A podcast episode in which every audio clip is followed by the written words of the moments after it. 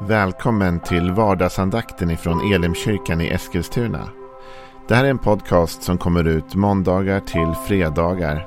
Om du vill veta mer om vilka vi är, vad vi tror på, hur du kan komma i kontakt med oss eller vad vi kan erbjuda dig för någonting så gå in på www.elimkyrkan.com. Får jättegärna gå in och likea vår Facebook-sida.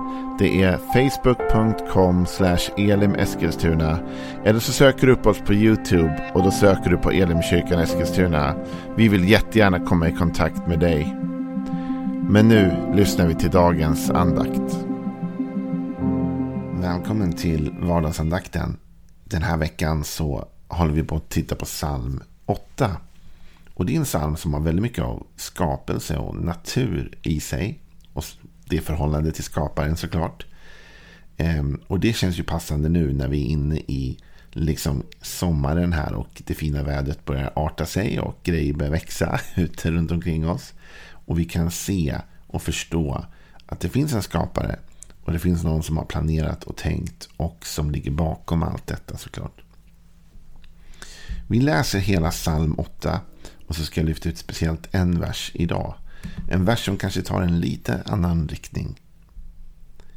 Herre, vår Herre, hur härligt är inte ditt namn över hela jorden. Du som satt ditt majestät på himlen. Av barns och spädbarns mun har du berett en makt för dina fienders skull, för att förgöra fiende och hämnare. När jag ser din himmel, dina fingrars verk, måne och stjärnorna som du har skapat, vad är då en människa att du tänker på henne och en människoson att du tar dig hand om honom? En liten tid lät du honom vara lägre än Gud. Med ära och härlighet krönte du honom. Du satte honom att härska över dina händers verk. Allt lade du under hans fötter. Alla får och oxar, liksom vildmarkens djur, himlens fåglar och havets fiskar, de som vandrar havens väg. Herre vår Herre, hur härligt är inte ditt namn över hela jorden. Det är ju som sagt mycket av skapelse och himmel och jord och stjärnor. Och så kommer man till vers två som kan tyckas lite, hoppa in lite konstigt. Av barns och spädbarns mun har du berett en makt. För dina fienders skull, för att förgöra fiende och hämnare. Det här är en vers som Jesus kommer att citera i Nya Testamentet. Det börjar talas om barn och spädbarn att du har berett en makt. Intressant ord. För dina fienders skull och för att förgöra fiende och hämnare. Det är inte så värst mycket problem i den här salmen. En del salmer är ju fulla av problem från början till slut. Den här salmen är inte jättemycket full av problem. Förutom just den här raden. För dina fienders skull. För att förgöra fiende och hämnare. Är inte det lite intressant? Att fienden ska förgöras, inte av de vuxna, utan av barnen och spädbarnen. Är inte det märkligt? Vad menas med det? Man tänker ju att du borde berätta en makt hos hjältar eller hos eh, liksom, eh, de här stora, eh, liksom, kraftfulla människor. Nej, utan av barn och spädbarns mun har du berett en makt. Vad betyder det? Vet du vad? Jag tänker så här när jag läser den texten. Att nästa generation. Du vet, kampen ligger nästan alltid i nästa generation. Och för oss som blir vuxna och äldre så handlar det mycket om att ge nästa generation möjlighet att kämpa den strid, den kamp som de behöver ta. Och kanske är det väldigt uppenbart i den här texten, därför den här salmen handlar om skapelsen. Och nu är vi i en situation där många unga som växer upp idag, de står inför en kamp för framtiden, för jorden. Därför att vi har faktiskt påverkat den här planeten väldigt negativt. Och det finns en utveckling vad det gäller vår miljö och vårt klimat som inte alls är bra. Och som nu nästa generation måste kliva fram och ta den striden. Nästa generation. Tänk för några år sedan när Greta Thunberg som då var väldigt ung ändå var den som klev fram och skapade ett samtal runt hela världen kring, kring klimat. Genom att liksom skolka från skolan för miljön, då, klimatstrejka. Va? så skapade hon ett samtal. och Hon fick träffa de liksom makthavarna en efter en runt om i världen. Va? Och det är liksom nästa generation som kliver fram och tar på allvar. Makten finns i nästa generation. Jag tänker likadant vad det gäller oss kyrkor om du tillhör en sån. Att våga låta nästa generation kliva fram och ta striden. Och nu menar jag inte bara då, nu tänker man alltid folk när man säger släppa fram nästa generation så tänker de alltid bara kultur och olika grejer. Men det är inte det det handlar om utan låta de gåvor som Gud har lagt i deras hjärtan få komma fram. Därför Gud har lagt i deras mun en makt i nästa generation. Och jag hoppas och jag drömmer om att vara en sån som öppnar dörrar för nästa generation. Som ser till att de kan ha bra förutsättningar i striden. Att de kan vara väl rustade, utrustade och att de kan ha stöd och support av mig så långt det är möjligt. Och jag hoppas att du känner likadant. Att vi utrustar nästa generation med det de behöver för att kunna klara av det Gud har lagt på deras hjärta. Den kallelse, den uppgift som ligger hos dem, hos deras generation. Varje generation tror jag har sin strid, sin kamp, sin fight.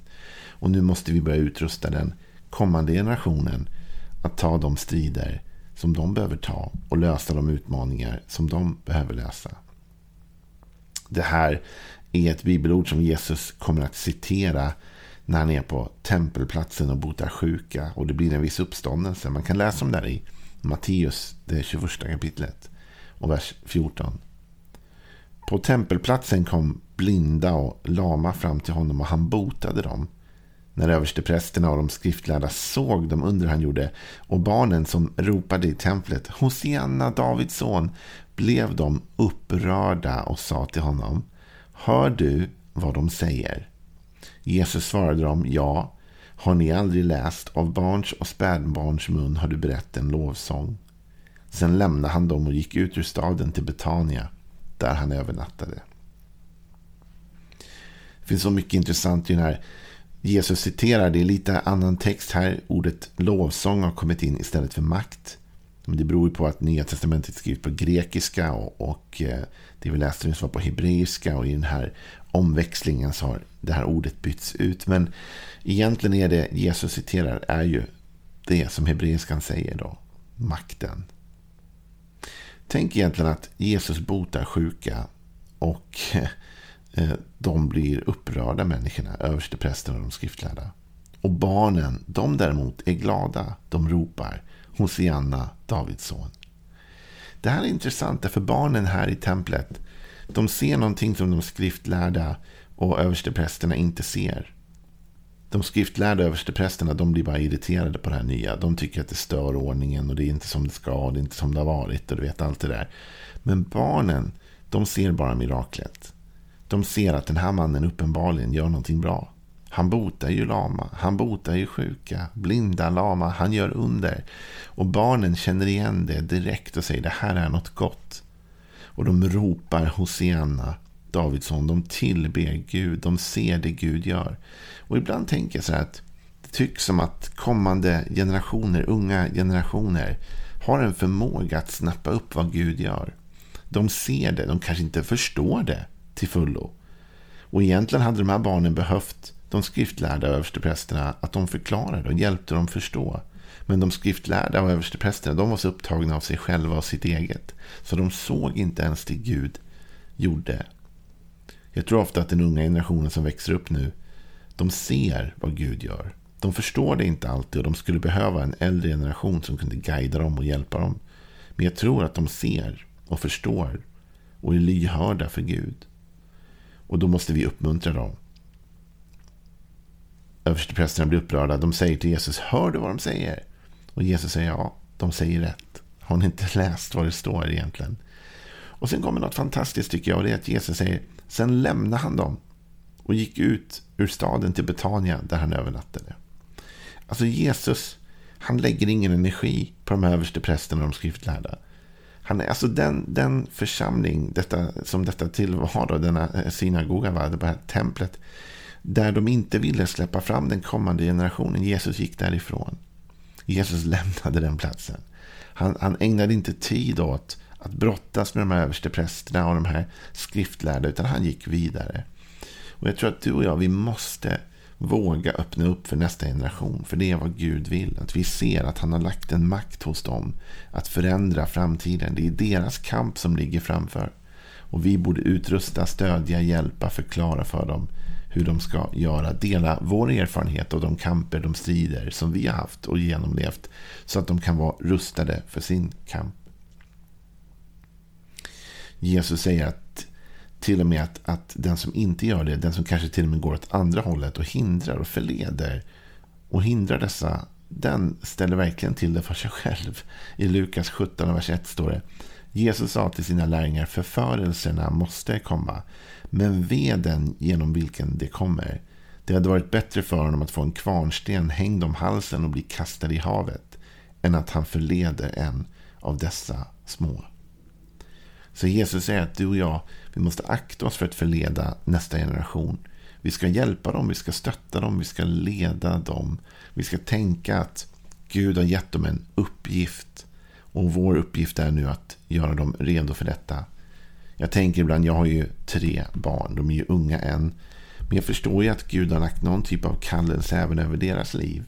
När de blir äldre så kommer deras generation behöva möta en del utmaningar och strider och svårigheter som kanske inte ens min generation behövde möta. För tiderna förändras hela tiden. Och det jag kan göra är att försöka stötta dem, utrusta dem, göra dem redo för detta. Förbereda dem för att de har en roll att spela och att Gud är med dem. Hjälpa dem bygga en sund gudsrelation och hjälpa dem förstå och finnas som ett stöd och en hjälp. Någonstans sker ju ett skifte. Där inte längre din och min generation är huvudrollen längre. Utan där vi går in i en, en stödfunktion till nästa generation och generationen efter det. Och ju bättre att vi förstår detta snabbt. Johannes döparen, han var inte gammal men han hade redan förstått detta. Han sa om Jesus, det kommer en efter mig som är starkare än mig. Alltså jag kommer inte vara huvudroll här för alltid. Och han säger, han ska bli större och jag ska bli mindre. Och det var inte ett problem för Johannes. Han visste att han hade sin tid. Han visste också att det kom någon efter honom som skulle ha sin tid. Nu var ju Jesus och Johannes hyfsat jämnåriga då. Men i alla fall, du och jag förstår att det kommer en ny generation. De måste träda fram. De ska ha sin tid. Och vi ska vara deras stöd och deras hjälp och deras uppmuntran. Det är såklart i psalm 8 inte minst sant vad det gäller skapelsen och naturen. Vi måste utrusta kommande generationer att kunna ta sig an även den utmaningen. Och alla andra utmaningar som Gud har tänkt att de ska tackla.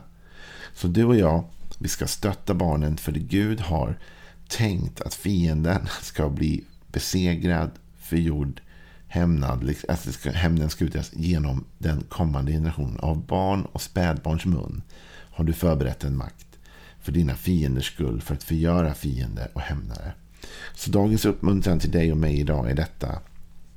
Låt oss be för nästa generation. Låt oss utrusta nästa generation. Låt oss stötta nästa generation. Och låt oss finnas där för att ge dem alla de råd och den pushning och stöttning och coachning som de kan behöva. Det tror jag är Gud välbehagligt. Och låt oss göra allt vi kan för att inte stå i vägen eller förleda någon av dessa minsta. Utan vi ska vara deras största supportrar. Ha en välsignad dag. Imorgon fortsätter vi med mer av psalm 8.